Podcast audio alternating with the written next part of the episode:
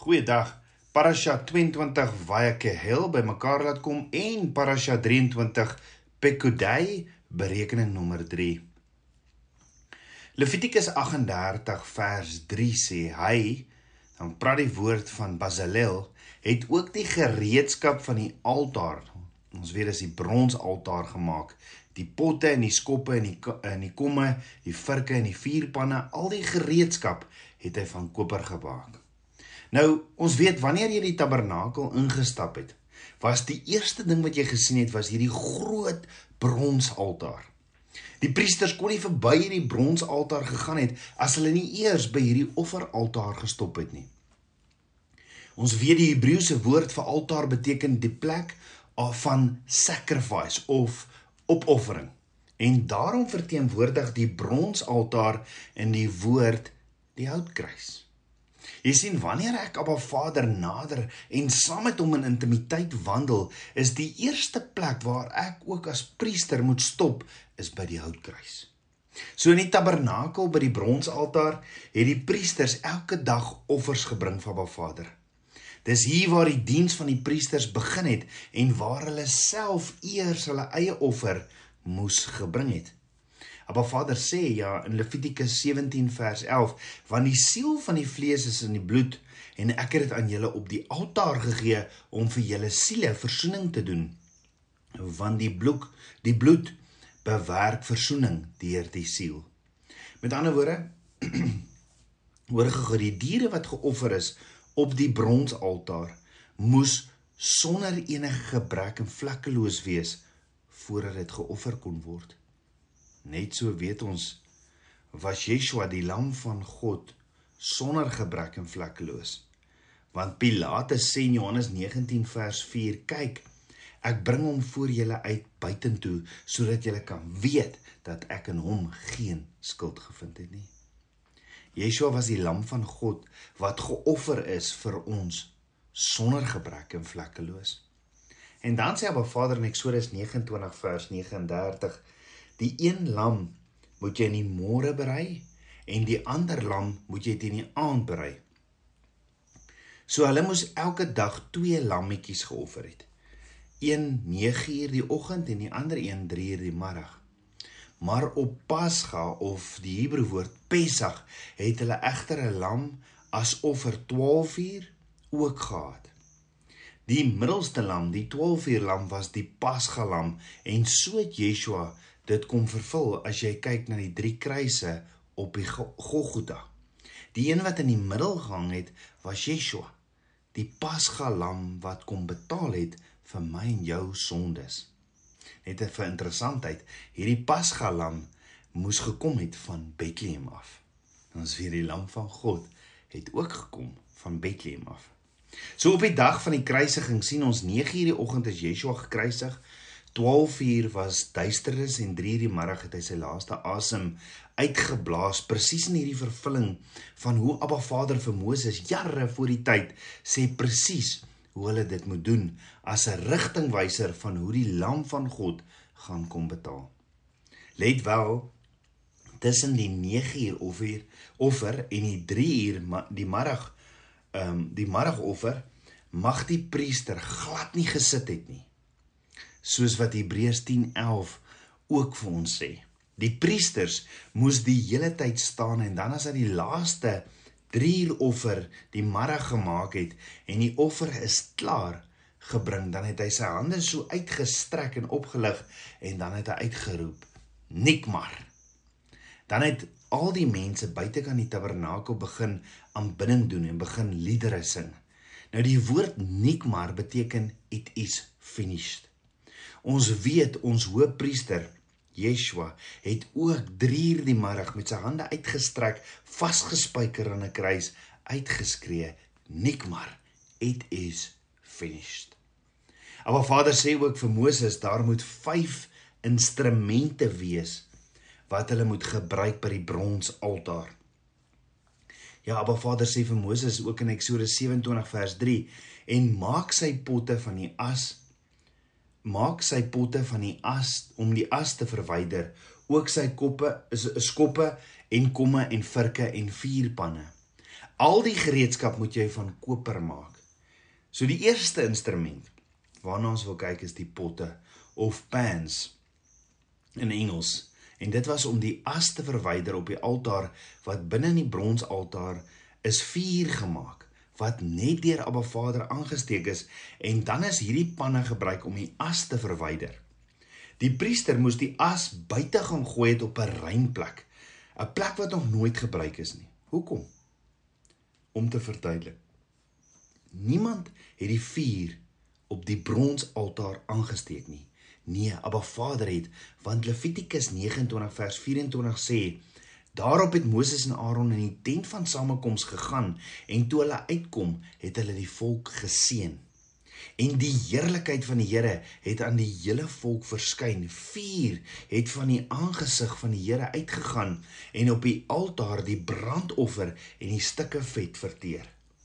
Toe die hele volk dit sien, het hulle gejuig en op hulle aangesig geval. So Abba Vader het die vuur gestuur op die bronsaltaar en die priesters moes hom aanhou laat brand. Die woord sê verskeie kere onder andere in Levitikus 6 vers 13 vuur moet gedurig deur op die altaar in die brand gehou word. Dit mag nie doodgaan nie. Die rede vir hierdie aanhoudende vuur was omdat Abba Vader die vuur begin het. En dit het gedien as 'n konstante herinnering van Abba Vader se krag. Die vuur was 'n geskenk van Abba Vader en geen ander vuur was aanvaarbaar vir Abba Vader nie. Die vuur verteenwoordig ook Abba Vader se teenwoordigheid. So die priesters moes met die panne die as van die vuur op 'n rein plek, hierdie as van hierdie brons ehm um, bronsaltaar wat daar oorgebly het na die offer, moes hy hierdie vuur, hierdie as op 'n rein plek, 'n plek wat nog nooit gebruik is nie, neer gaan gooi het. Die Hebreëse woord vir rein is tahor wat beteken purified in nom in in moral sense. Dan die rootwoord vir tahor is taher wat beteken unadulterated, uncontaminated, purified. Dis hierdie aksie in Hebreëus van to break something that bounds you. Met ander woorde, die priester haal hierdie as uit waar offers gebring is vir Abba Vader. En dan vat hy hierdie as na buite toe, na 'n rein plek wat beteken to purify, to sacrifice, to break the yoke. Wat ook vir ons in Hebreëse prentjie skets van van 'n plek wat as daar 'n ketting is wat jou bind, gaan dit gaan dit nie meer daar wees nie, want die ketting gaan breek.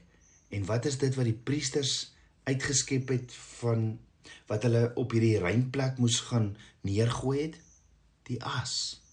En dan hoor wat sê Abba Vader in Numeri 19 vers 17 vir die onreine moet hulle dan van die as neem en van die sondeoffer wat verbrand is en daar vars water in 'n pot opgooi en 'n rein man moet hierop neem en dit in die water insteek. Dit sprinkel op hom wat aan wat aan 'n doodsbeen of aan een wat verslaan is of aan 'n dooie of aan 'n graf geraak het.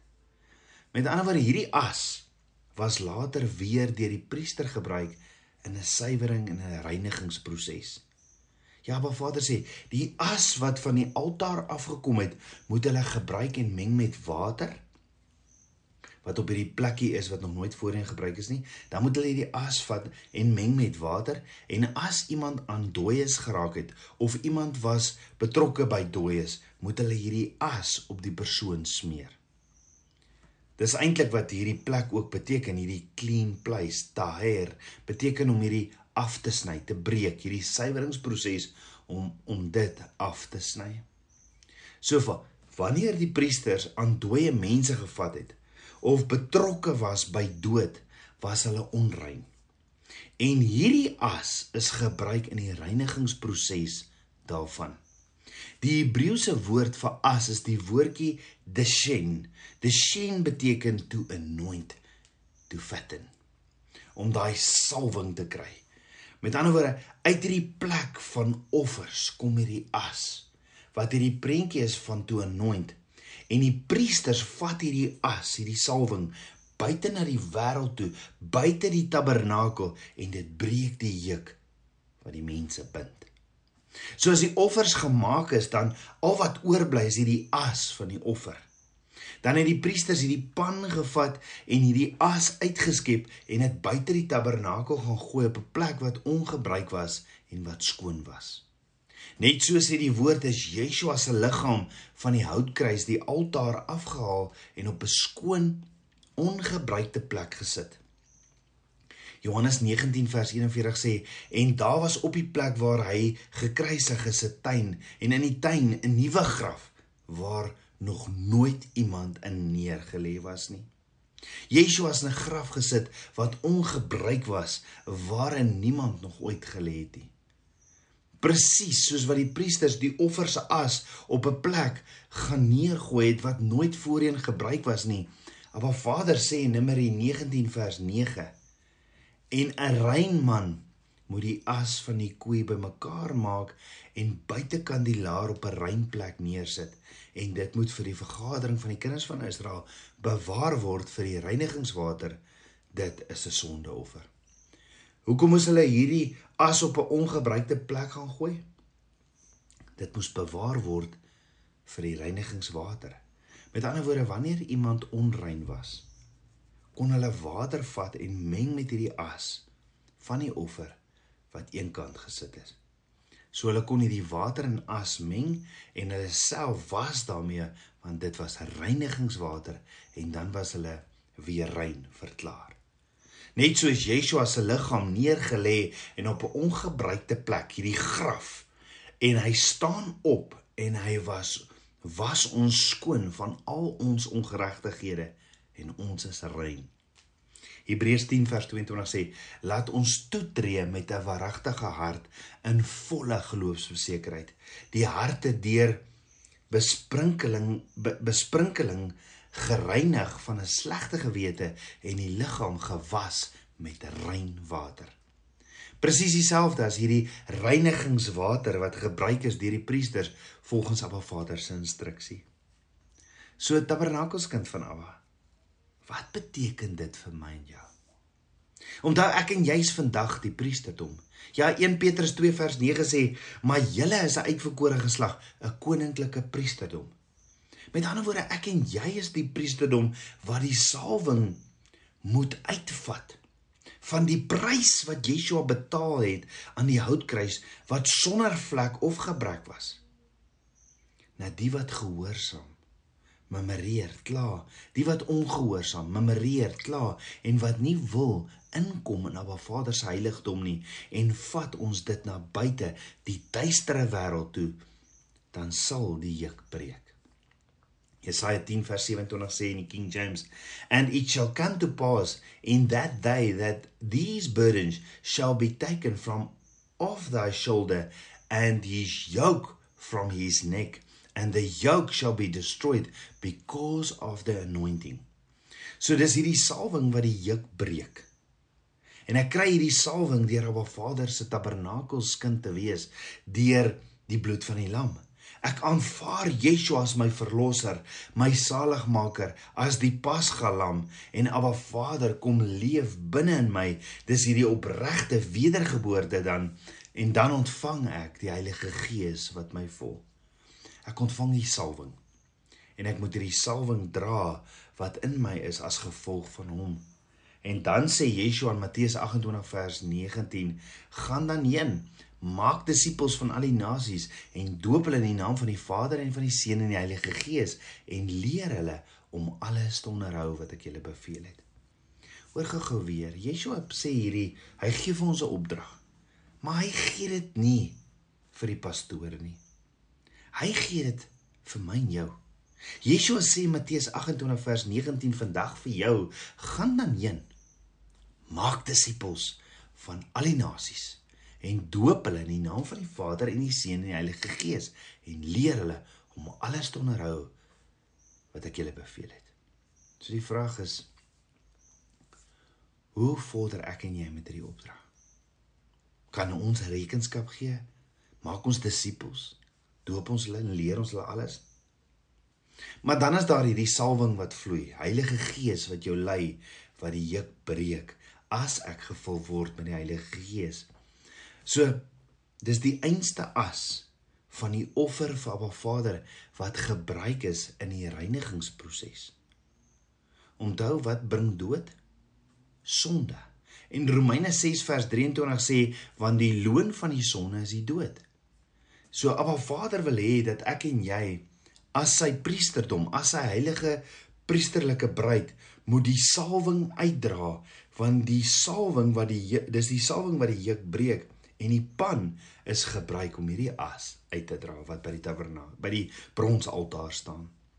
So hoor gego. Yeshua die Messias wat beteken the anointed one was gekruisig as die offer, die lam van God. En nadat hy gekruisig is, is hy gevat na buite die stad na 'n skoon graf toe wat nog nooit deur iemand gebruik is nie, die graf van Josef van Arimatea en hy's daar begrawe. En net soos wat die priesters die as gebruik het vir genesing en reiniging, suiwering en genesing, so het Yeshua gekom as die lam van God vir ons genesing, reiniging en suiwering. Hoor gou ten laaste. In Levitikus 9 vers 12 sien ons as die priesters die brandoffer geslag het, dan het hulle die bloed van die offer rondom hierdie altaar, hierdie bronsaltaar uitgegooi. Net so sê die woord het 'n soldaat gekom en 'n spies in die sy van Yeshua gesteek. En die bloed van die lam van God het voor die uit altaar uitgesprei. Die bloed van die lam. Kom ons bid saam. Aba Vader koning van my hart ek loof en ek prys U Vader, dankie, dankie vir die bloed van die lam. Kom blaas U asem in my sodat ek ook U salwing kan uitdra na 'n gebroke wêreld dat ketTINGS kan breek in Yeshua se naam. Dankie, dankie vir die bloed van die lam. Bid dit alles in Yeshua Messie se naam, die seun van Jahweh. Amen. Shalom.